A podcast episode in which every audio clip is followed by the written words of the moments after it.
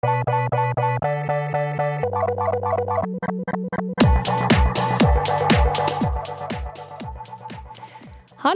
og velkommen til Musikal monitor. Jeg heter Magnhild Konnestad, og jeg går musikkteater på Høgskolen Kristiania. Og i denne podkasten så eh, snakker jeg med ulike mennesker i musikkteaterbransjen. Og i dag eh, så skal jeg snakke med Heidi Gjermundsen Broch. Og Heidi hun er musikalartist og har spilt hovedrollen i eh, veldig mange musikaler blant annet eh, Josefine i Bør Børson jr., Ronja i Ronja Røverdatter, Elisa Doolittle i My Fair Lady, og selveste Piaf i Piaf. Og Evita i Evita, Ann-Margit i Ann-Margit. Eh, hun har spilt Polly Peachum i Tolvskillingsoperaen. Og i 2021 så spilte hun den igjen, men nå som fru Peachum og Lucy. Heidi spilte også Maria i Witch Witch, Dana i Mamma Mia, Diana i Next Normal, og som hun vant da Hedda-prisen og kritikerprisen for. Eh, og etter at Heidi ble ansatt på Det Norske Teatret, har hun spilt i veldig mange forestillinger der, og blant annet eh, Vikla inn i blått, Charlie og sjokoladefabrikken, Lasarus, Leve hemmelig, Som lauvet i Vallombrosa, Eh, det merkelege som hendte med hunden den natta. Life goes on. Og lista goes on, eh, for å si det sånn. Ja, og må nevne også at Heidi var med eh, som deltaker i Stjernekamp i 2015. Og Heidi er nå aktuell med musikalen Into the Woods, som har premiere på Det Norske Teatret 2. april 2022. Og jeg gleder meg veldig til å bli bedre kjent med Heidi, eh, og prøve å forstå hvordan hun får det til. Altså, hva driver den dama? Um, og jeg tror jeg kommer til å lære masse av å snakke med henne, og jeg må nok også kanskje ta litt notater underveis. Dette her, det er musikal i monitor. Da kan jeg bare starte med å si velkommen. Heidi Gjermundsen Broch. Tusen takk. Takk du, for at jeg får komme. Du, eh, hvordan går det med deg, Heidi? Det går fint. Ja. Eh, absolutt. Eh, uh, ja. både i mitt private liv går det fint, og så er det utrolig godt å være ordentlig i gang på den største jobben min, som er på Det Norske Teatret. Hvor vi nå er i gang med ny produksjon, og hvor vi kan jobbe sånn som jeg er vant til å jobbe. Og ikke med masse restriksjoner og énmeter og øh, redsel og alt mulig rart. Og det føles øh, utrolig fint. Ja. Så da er det bra. For hva har du gjort tidligere i dag? Hva er en vanlig eh, Akkurat nå så er en vanlig dag for meg at jeg går på jobb på teatret og er på prøver på Into the Woods. Um, og så Ja, det er liksom det jeg gjør hver dag. Og noen dager så går jeg jo hjem, og så går jeg tilbake på kvelden og spiller en eller annen eh, forestilling. Men det er ikke hver dag. Ja. ja. For nå er dere i gang med Into the Woods. Ja. Når var det dere starta med Vi starta for en måned siden. Men så starta vi jo egentlig for et år siden. Og ja. prøvde i fire uker. Og så måtte vi bare slutte, fordi at vi skjønte at vi kom aldri til å klare å uh, forløse den kunstneriske visjonen med alle restriksjonene og med den angsten som da begynte å spre seg i ensemblet. Og, og sånn, Så vi måtte bare legge det ned. Og så kunne heldigvis regissøren plukke opp tråden igjen et år etterpå. Mm. Så da gjorde vi det for fire uker siden, og så jobber vi på nå, da. Oi! Mm. Så spennende å høre om. Jeg tenkte også at um, de som lytter Det er jo ikke alle som kjenner til deg like godt. Så jeg tenkte hvis uh, Vi kan starte med litt sånn uh, tre korte spørsmål, da, sånn at man kan få seg et lite bilde mm. uh, av hvem du er. Mm. Så hvor gammel er du, og sivilstatus, og bosituasjon? Ok, vi begynner der, ja. Ja. Um, jeg eh, er vel 47 år. Jeg blir det i morgen. Nei, er det sant? Ja. Og det er veldig veldig rart, for jeg syns 47 høres så veldig mye ut. Og så føler jeg meg ja. Jeg føler meg ikke så mye. Nei, nei, nei. Men ja, Så jeg er 47 i morgen. Mm. Og så sivilstatus, jeg er gift. Jeg har vært gift i mange år, og så har jeg to barn på 18 og 15 år. og så bor jeg på Bestum i Oslo, i et hus med hage. Jeg var sånn dødsheldig for mange år siden og fikk kjøpe et gammelt uh, vaklevorent hus som vi fremdeles holder på å liksom reparere, da. Ja. Ja, så der bor jeg. Åh. Um, jeg tenker sånn, Det er også litt sånn drøm. Jeg går forbi sånne små, gamle hus midt i Oslo, så jeg er sånn Hvem bor der? Så hyggelig å bo i et sånt gammelt hus midt i Eller Bessum er kanskje ikke midt i Oslo. Nei, det er ikke midt i byen, men rekorden min er 14 minutter hjemme på elsykkelen eh, Ja. fra jeg sykla fra teateret til jeg var hjemme. Ja. Så jeg vil si at det er ganske, Det er- det er ganske sentralt. Ja. Ja. Um, men hvis vi eh, spoler litt sånn tilbake da du vokste opp sånn, eh, hvor er du fra? Jeg er fra Råde i Østfold. Det er en liten bygd mellom oss og Fredrikstad. Ja, Mhm. der er du fra.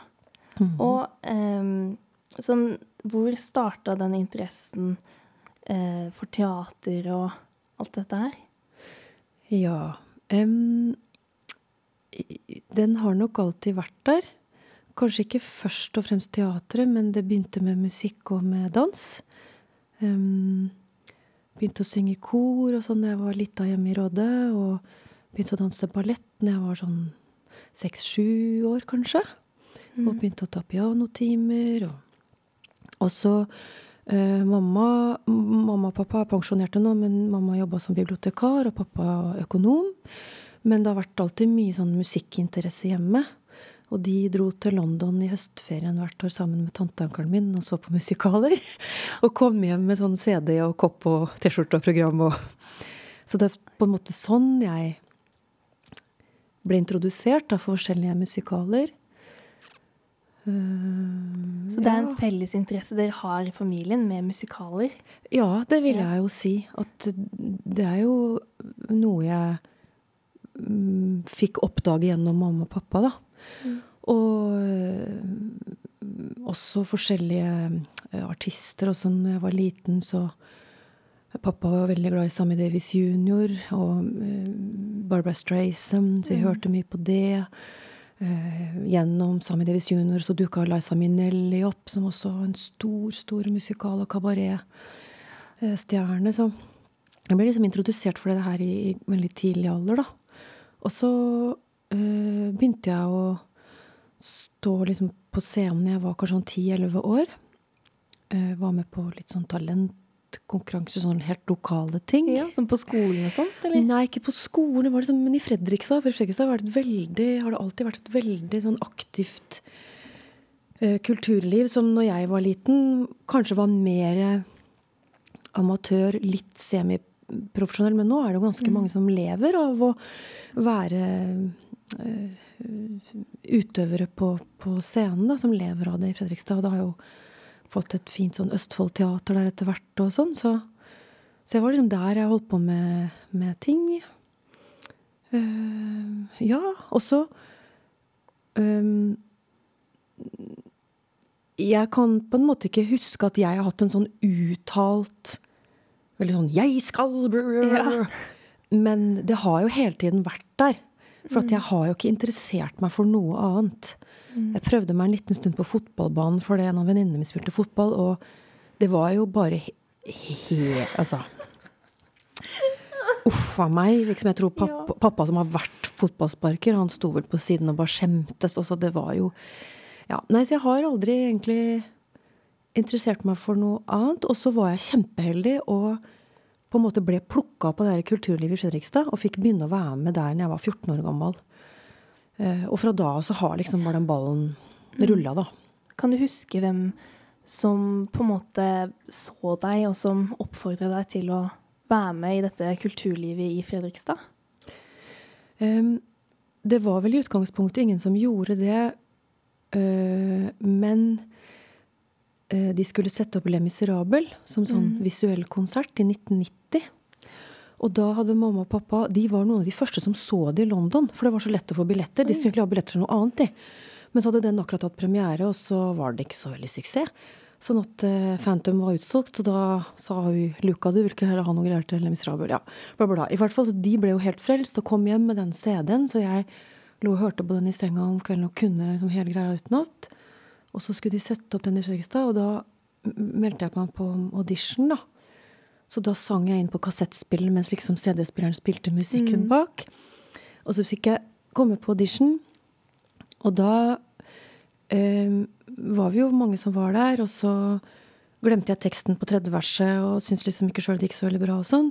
Men når jeg kom ut av det rommet, og så skulle jeg gå ned en liten trapp til der hvor de andre var, så sto de andre som skulle inn på audition etter meg, og klappa. Når jeg kom ned den trappa. Og da tenkte jeg bare liksom øh, For det hadde vi ikke gjort Det hadde ingen gjort for noen andre, liksom. Og så tenkte jeg å ja, da kanskje et eller annet, da. Og da ble jeg plukka opp av disse som var veldig aktive i Fredrikstad. Uh, og fikk jo da være med på Le Miserable og være med på veldig mange andre gøye ting mens jeg gikk ferdig videregående. Og, Mm. uh, ja.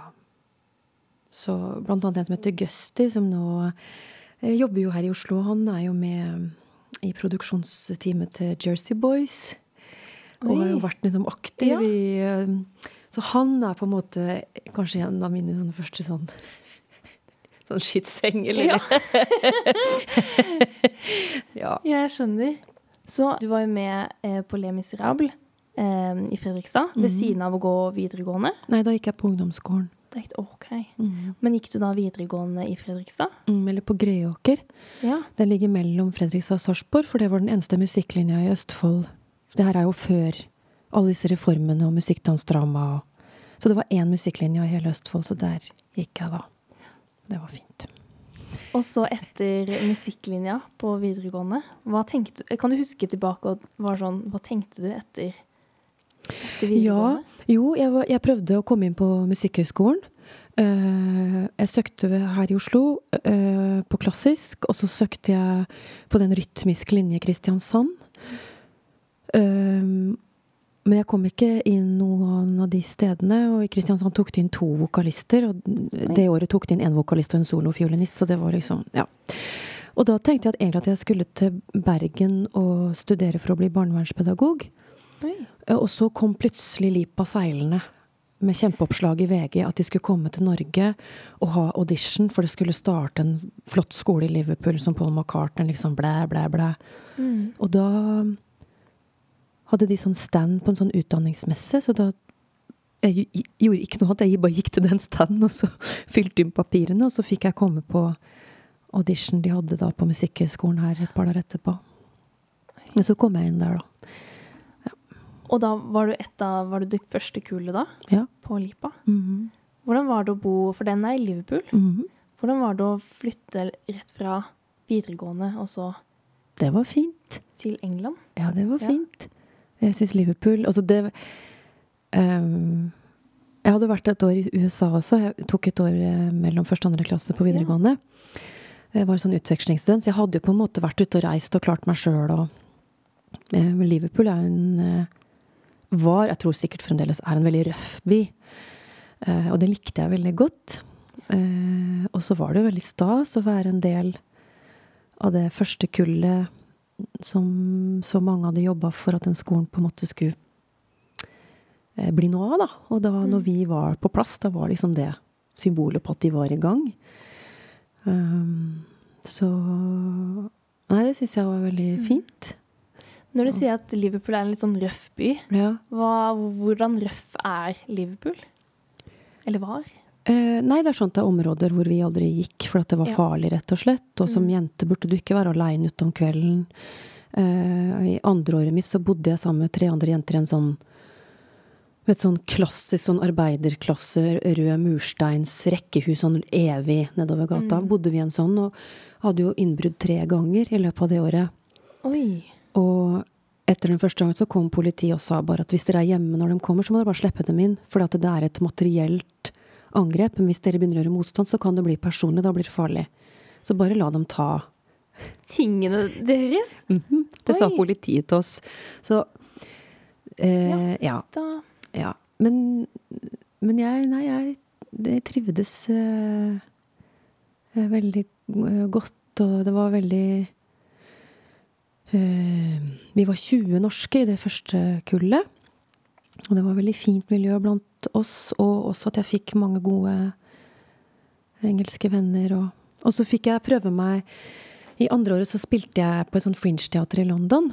Ja. Eh, fordi at vi hadde en studentproduksjon som hadde vært også på Edinburgh Fringe Festival, og så skulle det til London, og så kunne ikke hun som da egentlig skulle spille de, i Lon- den rollen i London, så spurte da han regissøren, som også var lærer på skolen, da, om jeg ville være med på det. Og det var egentlig bra, for det var så grusomt. Så da ble liksom West End-drømmen bare skikkelig smusja. Så da fant jeg ut at det skal jeg ikke, for det er ikke jeg tøff nok eh. Men hvordan tøft var det? Å stå Nei, det var eh, Folk hadde utrolig spisse albuer. mm. Og eh, det var sånn ekstremt konkurranseprega, og så blir det helt sånn feilslått fordi at man tenker at eh, hvis man klarer å trykke andre ned, så opphøyer man seg selv. Men i et ensemble, altså en forestilling, er jo aldri bedre enn det svakeste leddet. Så man må jo tenke helt motsatt.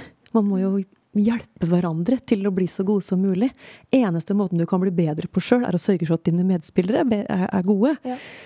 Eh, ja, og, men det Sånn tenkte de ikke der. Og det kan godt være at jeg bare var sånn ekstremt uheldig, da. Men det gjorde i hvert fall at jeg tenkte at uh, det der orker jeg ikke. Nei. Nei. Mm, men eh, sånn det å være modig nok til å være der ute, eller sånn uh, Selv om det ikke er spisse albuer, uh, kan du, siden du følte på det der Nei, det tør jeg ikke, eller sånn um, Åh, nå vet jeg ikke helt om jeg skjønte Jo, ditt eget spørsmål. Jo, jeg, Men uh, det er jo tøft, selv om det ikke er sånne spisse albuer, til å være Ja. på scenen og det å vise seg fram og ja, og det er det jo derfor som må Altså, noen klarer å fungere på en eller annen måte under sånne utrygge forhold. Uh, jeg gjør ikke det. Jeg fungerer Kanskje har blitt Jeg har heller ikke møtt mye eh, på det, og hvis jeg liksom møter på litt sånt som jeg syns er vanskelig nå, så er jeg jo mye flinkere til å plassere det et annet sted enn hos meg sjøl. For det er jo ikke jeg som Det kan godt være at jeg blir sittende igjen med et problem. Mm. Men problemet i utgangspunktet er jo ikke mitt. For jeg har ikke noe problem med å forholde meg til andre mennesker. Mm. Mens da så eh, Altså, det, det, det var på en måte Det var ikke noe alternativ. Altså, hvis det skulle være på den måten, så kunne jeg ikke holde på. Det, Ja. Altså Ja. Så enkelt på en måte var det. Så da måtte jeg, kun, måtte jeg enten finne på noe annet, eller dra et annet sted. Ja. Og se om det var mulig å ha arbeidsforhold som er levelige. Nettopp fordi det, det er jo, ja, som du sier, i utgangspunktet så heftig som det er, da. Mm. Ja. Ja. Eh, ja, for nå snakker vi jo litt om eh, det her med spisse albuer, at det var vanskelig, å eh, men kan vi liksom snakke litt om eh, Snakke litt om hva er dine verdier eh, som utøver? Eller liksom, hvilke verdier har du, eller hva er viktig for deg når du skal være en utøver?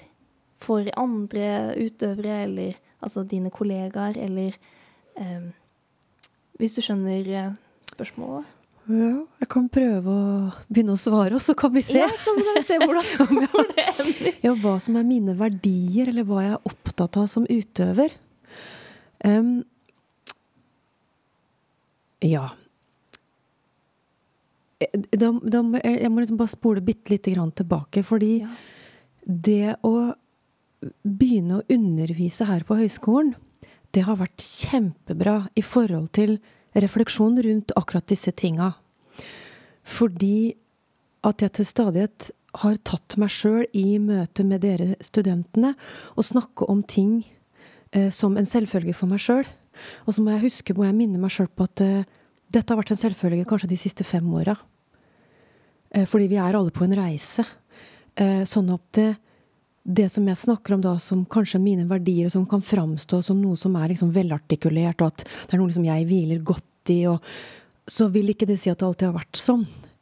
sånn jeg har strevd og strever, og jeg har bala og jeg baler, og jeg har vært mye redd, og jeg er innimellom fremdeles redd, så det er jo ikke sånn at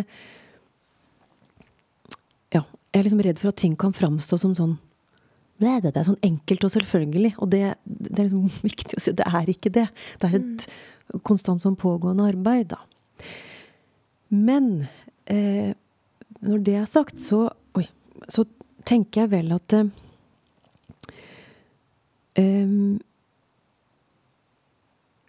det er en sånn, I en sånn arbeidsprosess da, så er det en sånn blanding av å eh, prøve å forstå en regissørs idé og tanke og vilje med et materiale, og å ha med sin egen integritet inn i det møtet, og i møte med kollegaene mine. Og prøve å på en eller annen måte klare å hvile så trygt i meg sjøl at jeg åpent og ærlig kan klare å møte det som jeg skal møte, på en så sann og ordentlig måte som mulig, da. Mm. Um, ja. Og så har jeg um, måttet jobbe med meg sjøl i forhold til at jeg kan uh, mislike folk som jeg syns er litt udugelige. Og det er ikke en spesielt sjarmerende egenskap. Mm. Og det å bli bevisst rundt de mekanismene inni meg, sånn at jeg har, jobber med å bli flinkere til å skille på en måte sak og person, så selv om noen da Jeg møter noen som jeg kanskje tenker uh, Eller at jeg syns de er litt late, eller så at jeg likevel kan se dem for de gøye og, og fine menneskene de er. Uh, for på den måten å være med på å trygge, igjen for å oppnå det at eh, forestillingen kan aldri bli bedre enn det svakeste leddet, så vi er alle tjent med at det svakeste leddet er liksom så bra som ja. mulig. Og så skal det sies at det er jo ekstremt sjelden egentlig at det, at det, skjer, fordi jeg er så heldig å jobbe på et sted hvor jeg er omgitt av så mye, mye talent og, og eh, helt fantastiske kunstnere, så det er egentlig bare å bøye seg i støvet og følge med. ja. ja. Jeg synes, jeg kjenner meg Eller sånn um, Man tenker Jeg var kanskje ikke så bevisst over det ofte. Litt det der med at man, man skiller ikke arbeid, eh, kollega, med venn. For man blir så tett i et sånt ensemble at man eh, drar på hyttetur sammen og er venner på fritiden. Ja, eller det viser seg jo etter hvert at du gjør ikke det med alle. Jeg har mange kollegaer, og så har jeg mange gode kollegaer. Og så har jeg noen få gode venner i ensemblet. Ja. ja. Men jeg har mange veldig gode kollegaer. Men vi er, vi er arbeidskollegaer. Ja. Og, og, har stor tillit til hverandre i arbeidet, men vi drakk på hyttetur sammen. Ja. men jeg, noen av dem, noen få, drar jeg på hyttetur med. Men hvordan er det, for du har jobbet så lenge at du kanskje merker det med en gang i, når du kommer i et nytt ensemble. Eh, og du, dere jobber sammen og dere blir gode venner. Kan du vite hvem du kommer til å ha kontakt med etterpå? Etter produksjon? Nei. Nei, ok. Nei, Det vet jeg ikke alltid. Men um, jeg spilte i en musikal som heter Next to Normal for en god del år sia.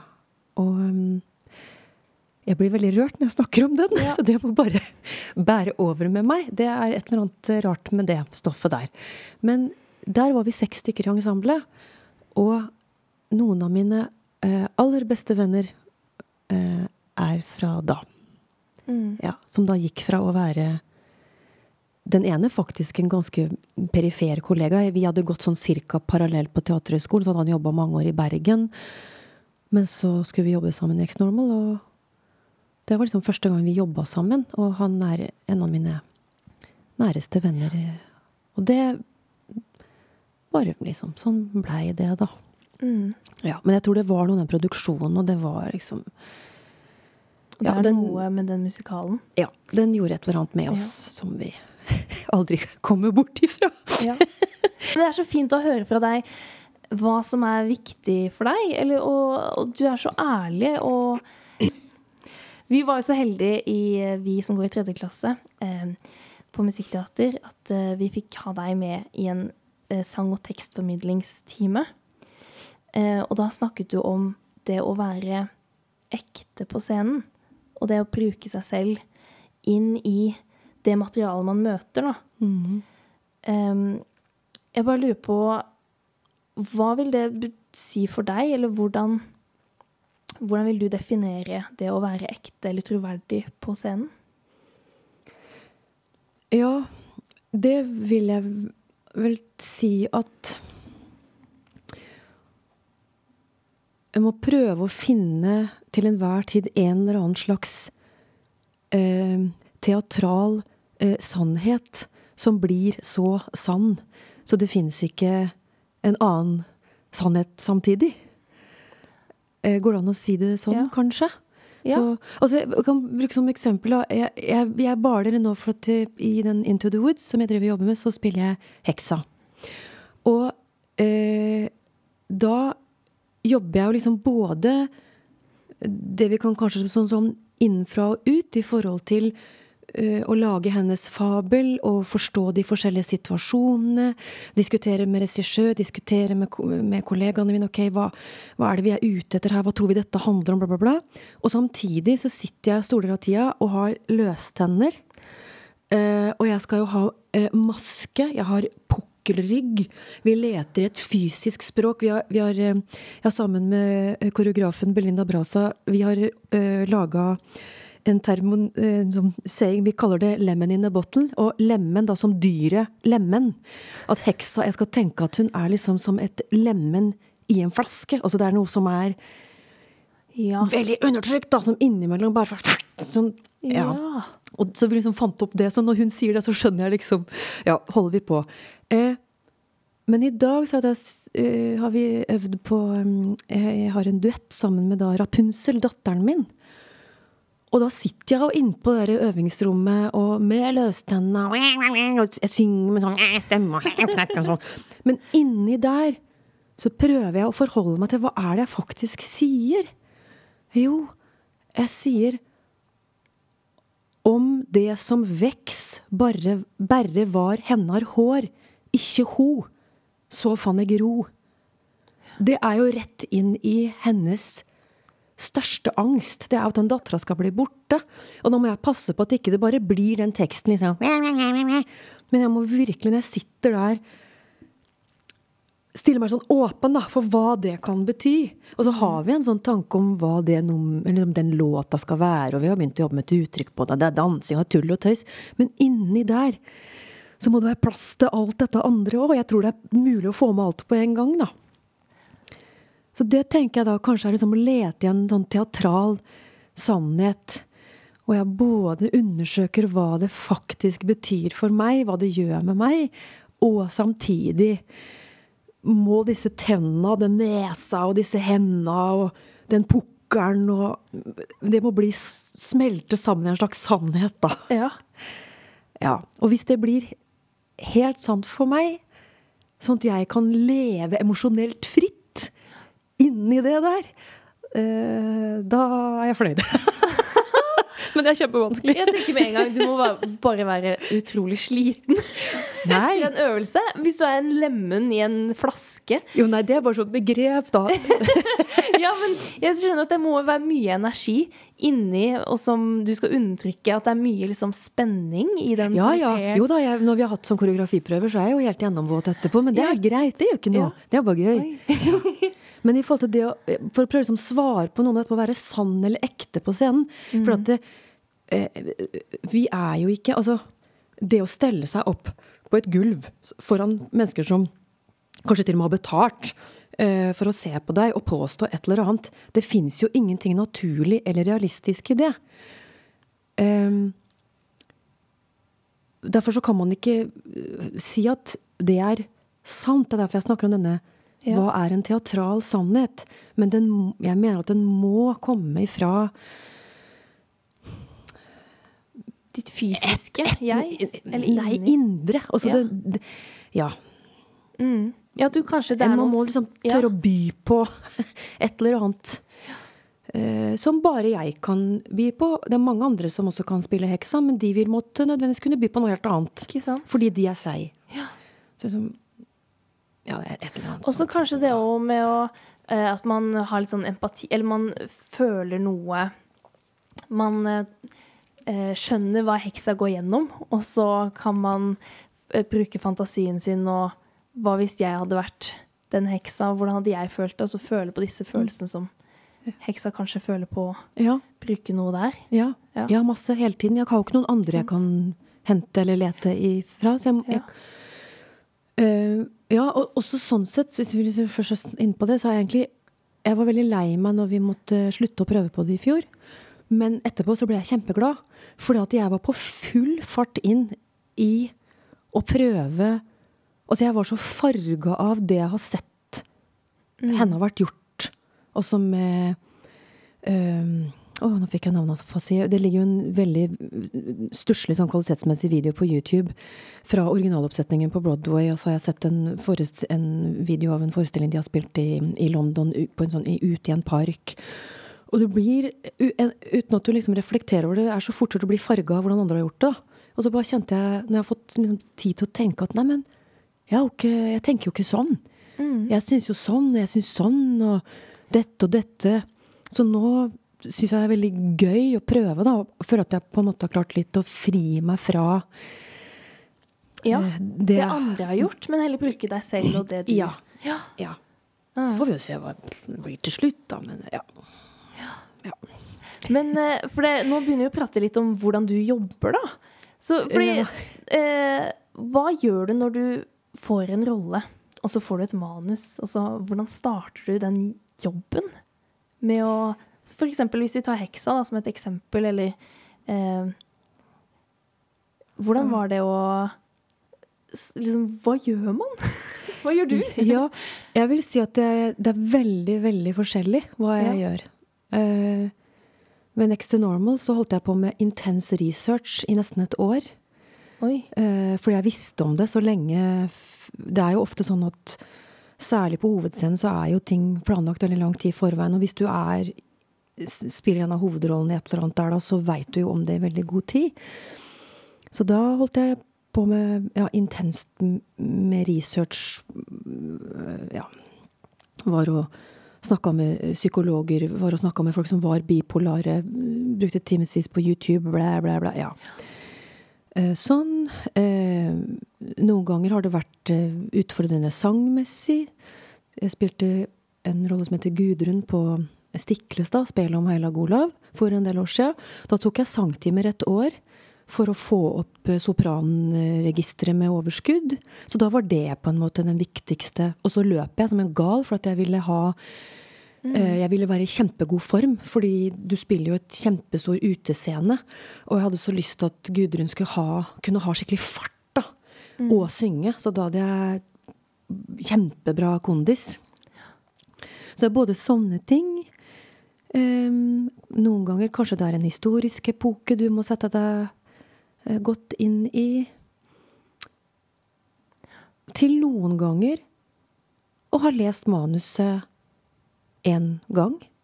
Til noen ganger å ikke ha sett manuset før jeg møter regissøren, fordi at de har ikke Ja. villet.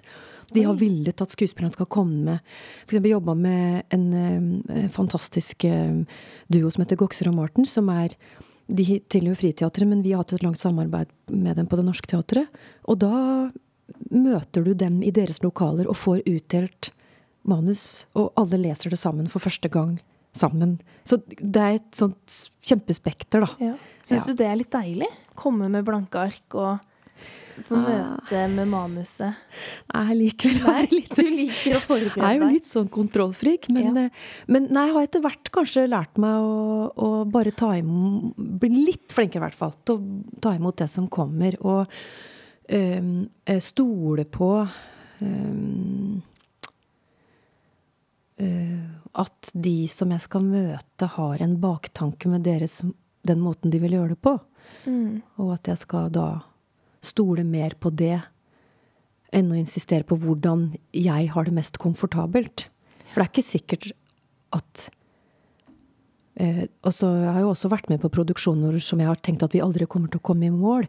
Hvor vi ti dager før premiere egentlig bare ønsker å gå til teatersjefen og si at dette går ikke, vi må bare legge det ned. Hvor det bare er uenigheter og krangling og diskusjoner og vondt og fælt. Og så viser det seg at på en eller annen måte så forløses det, og så blir det fantastisk å spille. Ja. Sånn at.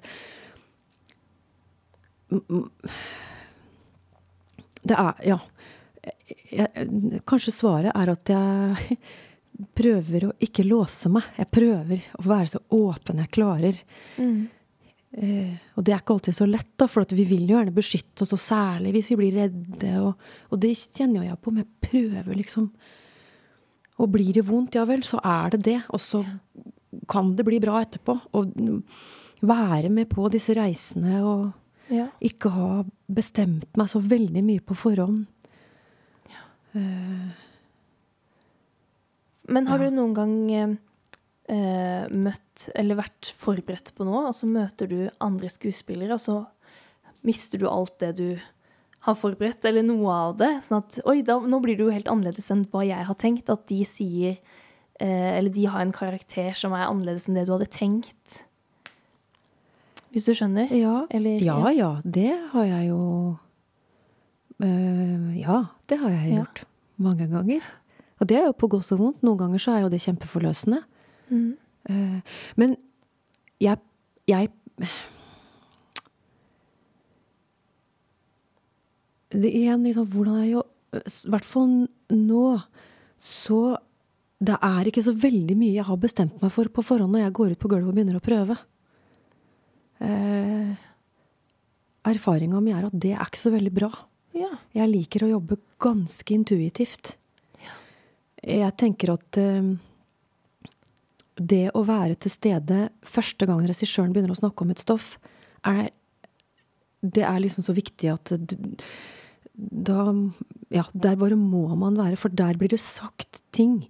Jeg føler at det, på sånn første møte med regissør at jeg prøver å liksom brette ut meg sjøl. Så jeg ikke, jeg ikke bare sitter liksom og hører med øra, med at jeg, jeg sitter liksom og hører med hele meg. ja, det er sånn svamp. Ja, for å forstå eh, hva, hva, hva Liksom prøve å fornemme Energier og sånne følelser. Ja, altså hva, hva er hva, Ja. For at et, et manus, det er noen prikker på et papir. Mm.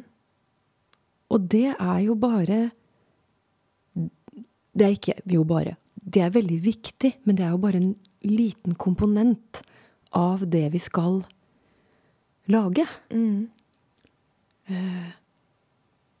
Sånn at Nei, jeg, jeg, nei, jeg tenker at jeg prøver å liksom stille meg så åpent og så lite forutinntatt som overhodet mulig, da. På Ja. Ja. Men eh, jeg syns du har sagt noe veldig fint, eller du sa det til klassen vår, at eh, man skal Nå jeg har skrevet det ned, for jeg kan jo ikke huske Ok. utenat. At publikum skal eh, se litt. noe, Ja. eh, høre noe Eller de skal høre én ting, se noe annet og forstå det tredje. Ja. Ja. Jeg syns Ja. det var så bra sagt. Å Kan du forklare litt hva du mener bak, bak Hva jeg mener det? med det? Ja, og så Det jeg mener med det, er jo hvordan å ha en bevissthet knytta til det å prøve å lage noe som er eh, interessant, da. Og eh, hvis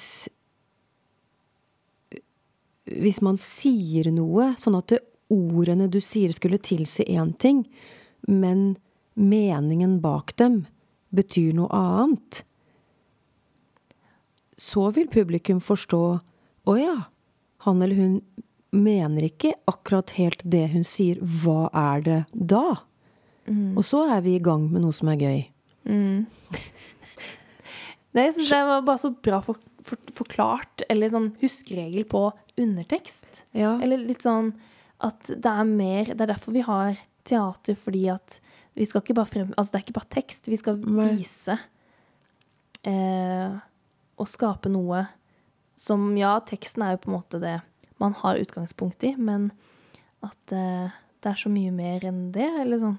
Ja. Ja, og jeg syns jo det er interessant fordi sånn som når vi jobba sammen den, i den workshopen uh, I noen av disse duettsituasjonene hvor noen fikk en oppgave eller en overskrift etter først å ha gjort det én gang, og så får de en oppgave eller en overskrift for å undersøke materialet en gang til, og så plutselig så betyr setningene noe annet. Da oppstår akkurat det. At det ligger en undertekst der som gjør at teksten får en annen betydning enn de liksom reine orda. Og da er vi på vei inn i et interessant. Et interessant sted, da. Tenker jeg. Men det er jo ikke som en sånn Man kan jo ikke ha noen sånne absolutte regler, men eh, jeg syns det er gøy å, å lete i liksom Hvis jeg står fast eller grubler, så syns jeg liksom det er morsomt å prøve å lete inn i det landskapet der, da. Ja. Hva kan dette bety? Noe annet enn akkurat det jeg faktisk sier. Er det sånn at du prøver, eller du tar mange ulike valg og prøver litt forskjellig? Eh, Det kommer også veldig an på arbeidssituasjon. Det Mm. er jo eh, på en måte regissøren som til enhver tid definerer et arbeidsrom. Eh, og noen eh, regissører eh, holder jo på med improvisasjon kjempelenge, og da kan en jo holde på i det uendelige. Mm. Og lete og lete og lete. og lete. Noen regissører legger jo ting ganske stramt fra første sekund, og så må man etter hvert da finne friheten i det. Og da legges det jo liksom et strammere løp som ikke gir så mye eh, muligheter til i hvert fall å lete i de større greiene fra starten. Men innenfor de rammene så kan man jo likevel holde på å lete, men da blir det kanskje på et litt mindre plan, da. Mm. Men jeg tenker jo at man aldri skal slutte å lete. Jeg tenker jo at uh, du er ikke ferdig med forestillingen på en premiere. Den, den er aldri ferdig, den. Den uh, kan man holde på med til man dør. Og ideelt sett. Og ikke bare i sitt eget arbeid, men å stille seg åpen hver kveld for hva kollegaene bringer til torgs. Sånn at du klarer å oppfatte enhver ny nyanse, ethvert nytt lite tilbud kollegaen din kommer med, som gir nytt liv inn i noe man kanskje har spilt hundre ganger, da. Mm. At, da, Ja. mm, at man er da til stede. Mm. Helt på ekte, så du er i stand til å være med på det eh, hver kveld. Mm. Syns du det er vanskelig? Av og til?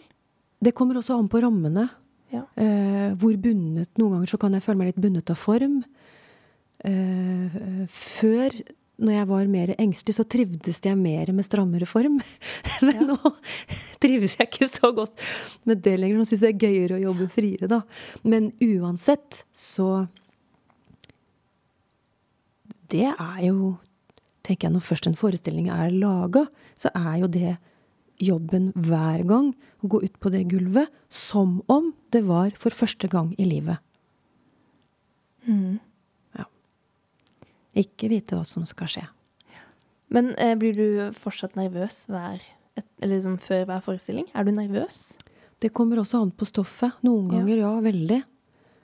Uh, andre ganger uh, mer spent. Og så har det litt med dagsform å gjøre. Og, Ja. mm. Jeg syns det, det er veldig spennende å høre om litt sånn hvordan, hvordan føler du deg som utøver, eller hvordan har du det som menneske oppi alt dette her som du jobb, jobber med? Eh, eller bare Hvordan klarer du å liksom balansere Du gjør jo så mye, det er så Og det sånn Hvordan klarer du å kombinere et liv ved siden av det å jobbe som, så mye som du gjør, da?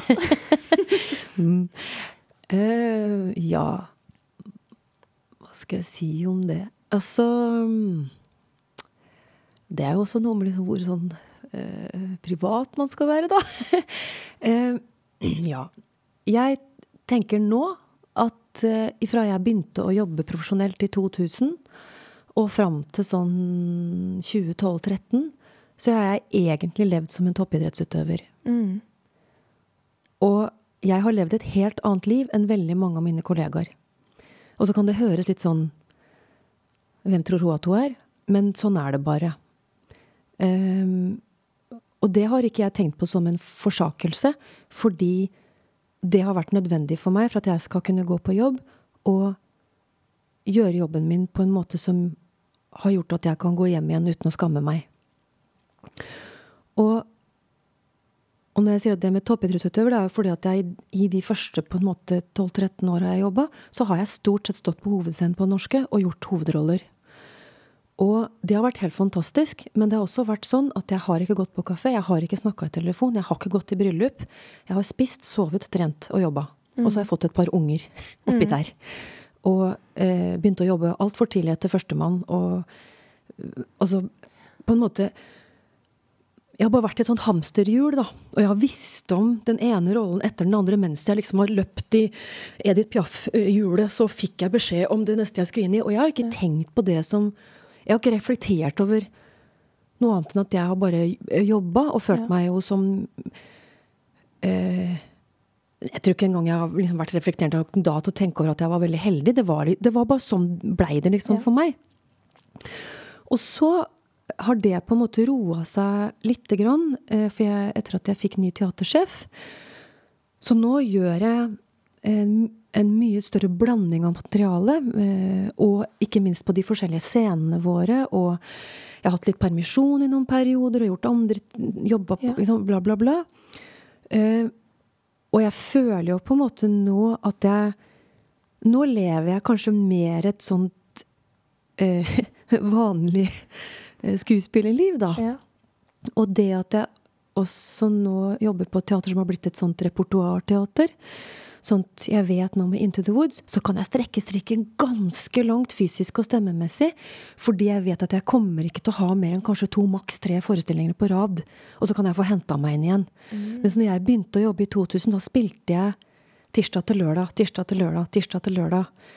Og da for at jeg skulle orke lørdagen, så måtte jeg liksom spare og noen, hele tiden sånn balanse da, for å ikke gå i stykker før lørdagen. For da hadde jeg liksom søndag og mandag og eh, karma på, og så var det liksom i gang igjen på tirsdag. Mens nå så kan jeg liksom strekke strikken lenger, og jeg kan gjøre andre ting ved siden av. Og nå spiller vi jo der også hver skuespiller har på en måte mellom to og fire, fem roller gående samtidig. Så man får liksom brukt seg sjøl på forskjellige måter. Og det tror jeg er bra liksom både for fysikk og, og sjel, da. Mm. Ja. Mm. Ja, det er på en måte det lange svaret. Og det korte svaret er at jeg har jo aldri gjort noe annet. Så du vet ikke om et mer avslappet liv? Nei. Og så har jeg jo eh, eh, veldig mye energi. ja. Ja, kanskje ikke så mye lenger, men, men uh, det er jo Det er mye trøkk inni her. Mm. Så ja. Jeg syns det er et kjempebra svar. Ja, men virkelig. Jeg lurte litt på om vi kunne snakke litt om sånn partnerarbeid. Eller sånn det å møte kollegaer, møte andre i et materiale. Fordi eh, på den workshopen som vi har nevnt noen ganger eh, nå i den podkasten, som vi ha, i tredje klasse hadde deg, mm. så nevnte du at eh, det var noen som fikk en oppgave i å Det var duett. Og de skulle da se på hverandre mens de sang, altså se hverandre i øynene. Mm. Og da skjedde det noe eh, som blei kjempefint. Og det blei en veldig rørende, og det blei så ekte, og det var liksom noe som skjedde. Og så, sa, så, snakket vi jo litt om det som det er noe som skjer når man møter blikket. Mm til folk. Hva tror du det kan, liksom, Hva tror du det er det med å møte blikk til andre mennesker, eller på scenen, da?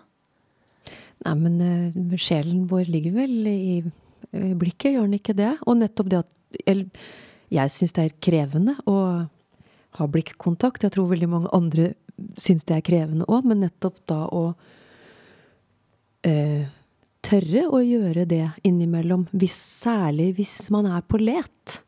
For det er veldig ofte at de gode svara ikke ligger inni en sjøl. De ligger jo i møte med din kollega.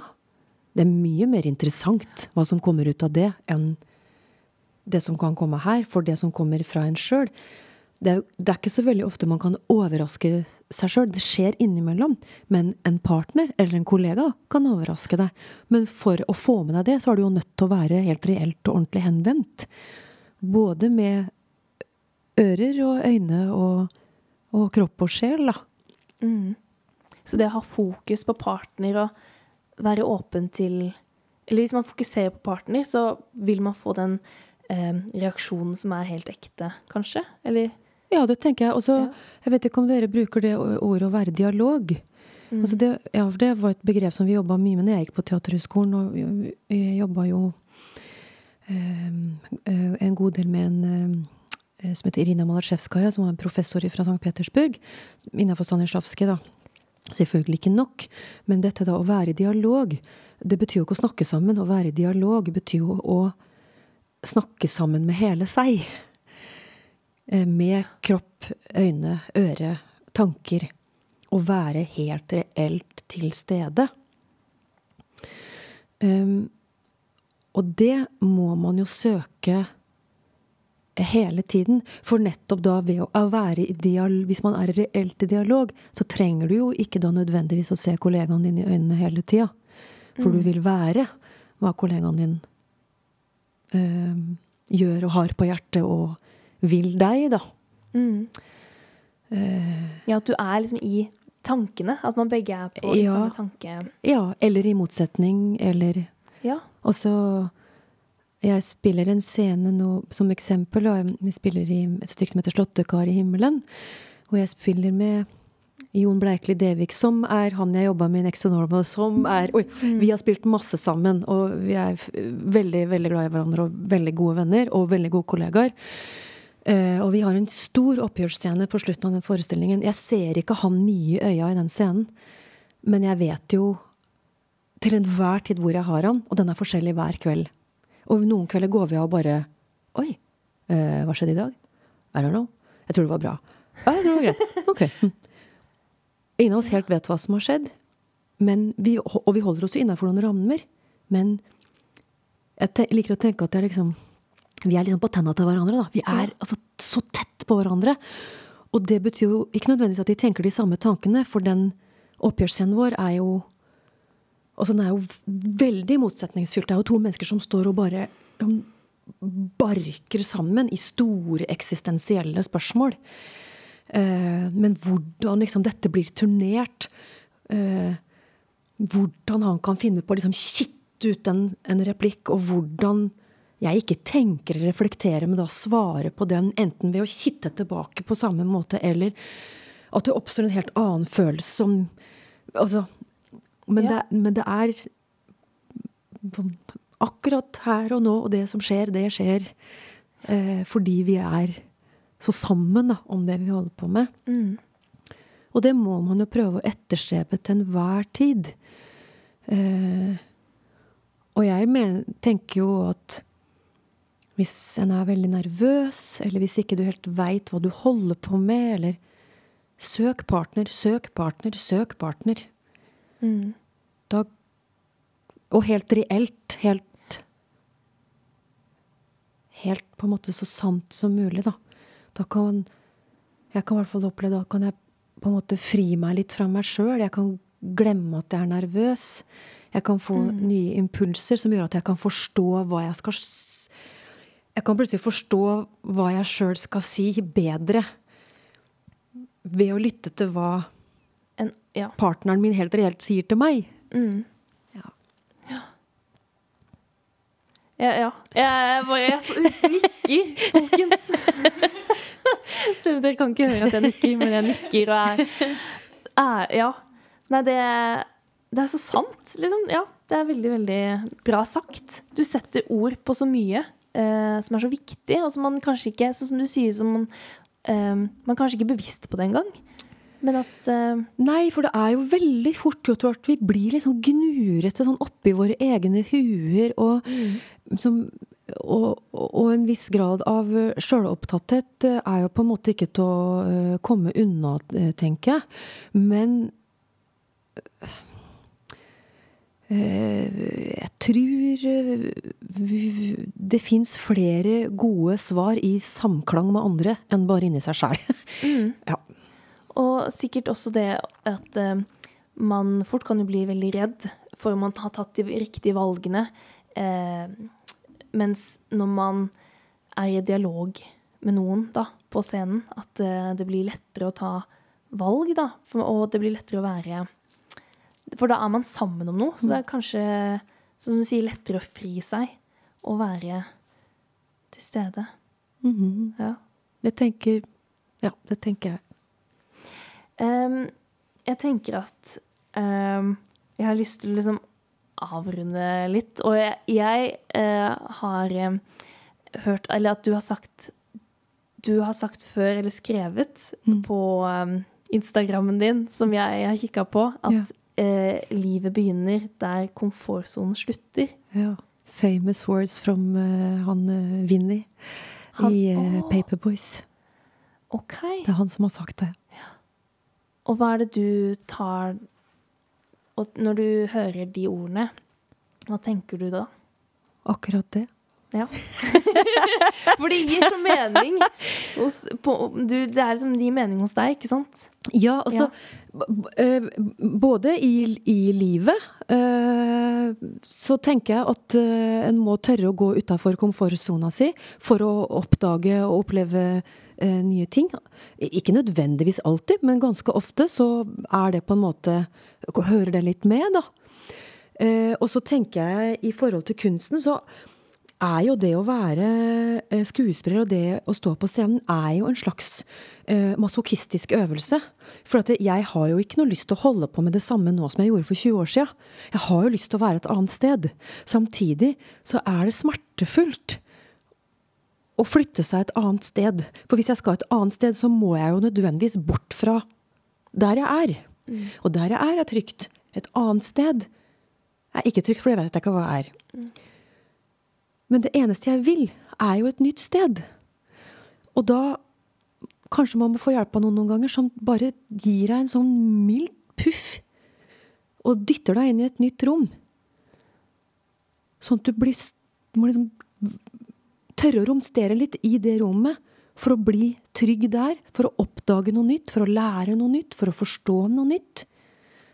Eh, om livet og om kunsten og om det å være et menneske og sånn, da. Derfor så tenker jeg på det. Ja. Ja. Um, sånn helt, helt til slutt. Hva eh, ønsker du at studenter som studerer musikkteater, em, skal ta med seg videre fra studiet? Eh, for det, du, har, du har jo nå starta å undervise her på Høgskolen Kristiania. Stemmer? Ja. Har du undervist før? Bare bitte lite grann. Ja. Eh, Jeg var innom Bordar for en del år siden og hadde sånn korte workshops med interpretasjon. For um, uh, jeg bare tenkte på at vi som studerer musikkteater, er det, hva ønsker du at vi skal ta med oss fra um, studiet og ut i arbeidslivet og til uh, musikkteater sin fremtid i Norge, da? Um, det som jeg Én ting er jo eh, alle disse teknikalitetene um, som handler om å ha et eh, apparat.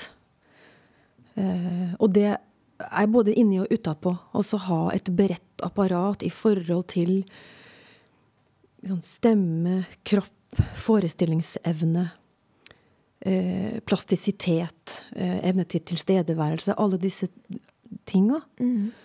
Men inni der så tenker jeg at eh, det viktigste må være at en tør å gå ut herfra med sin integritet i behold.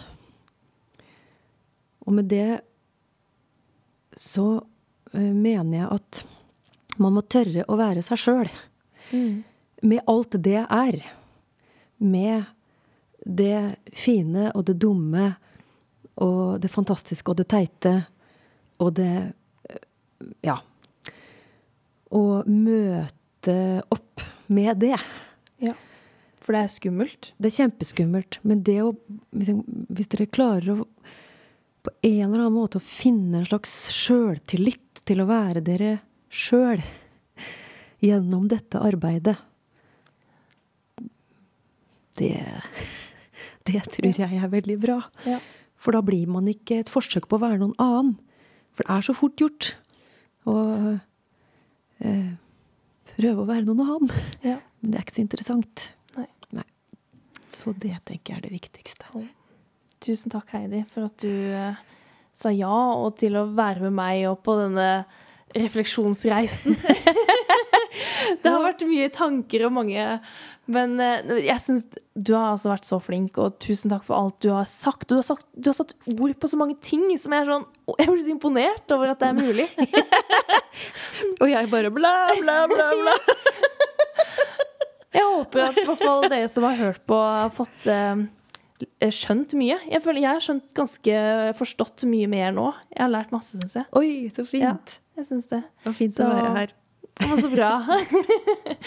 Tusen takk. Eh, ha det bra. Ha det, ha det. Så vinker jeg. Så hyggelig.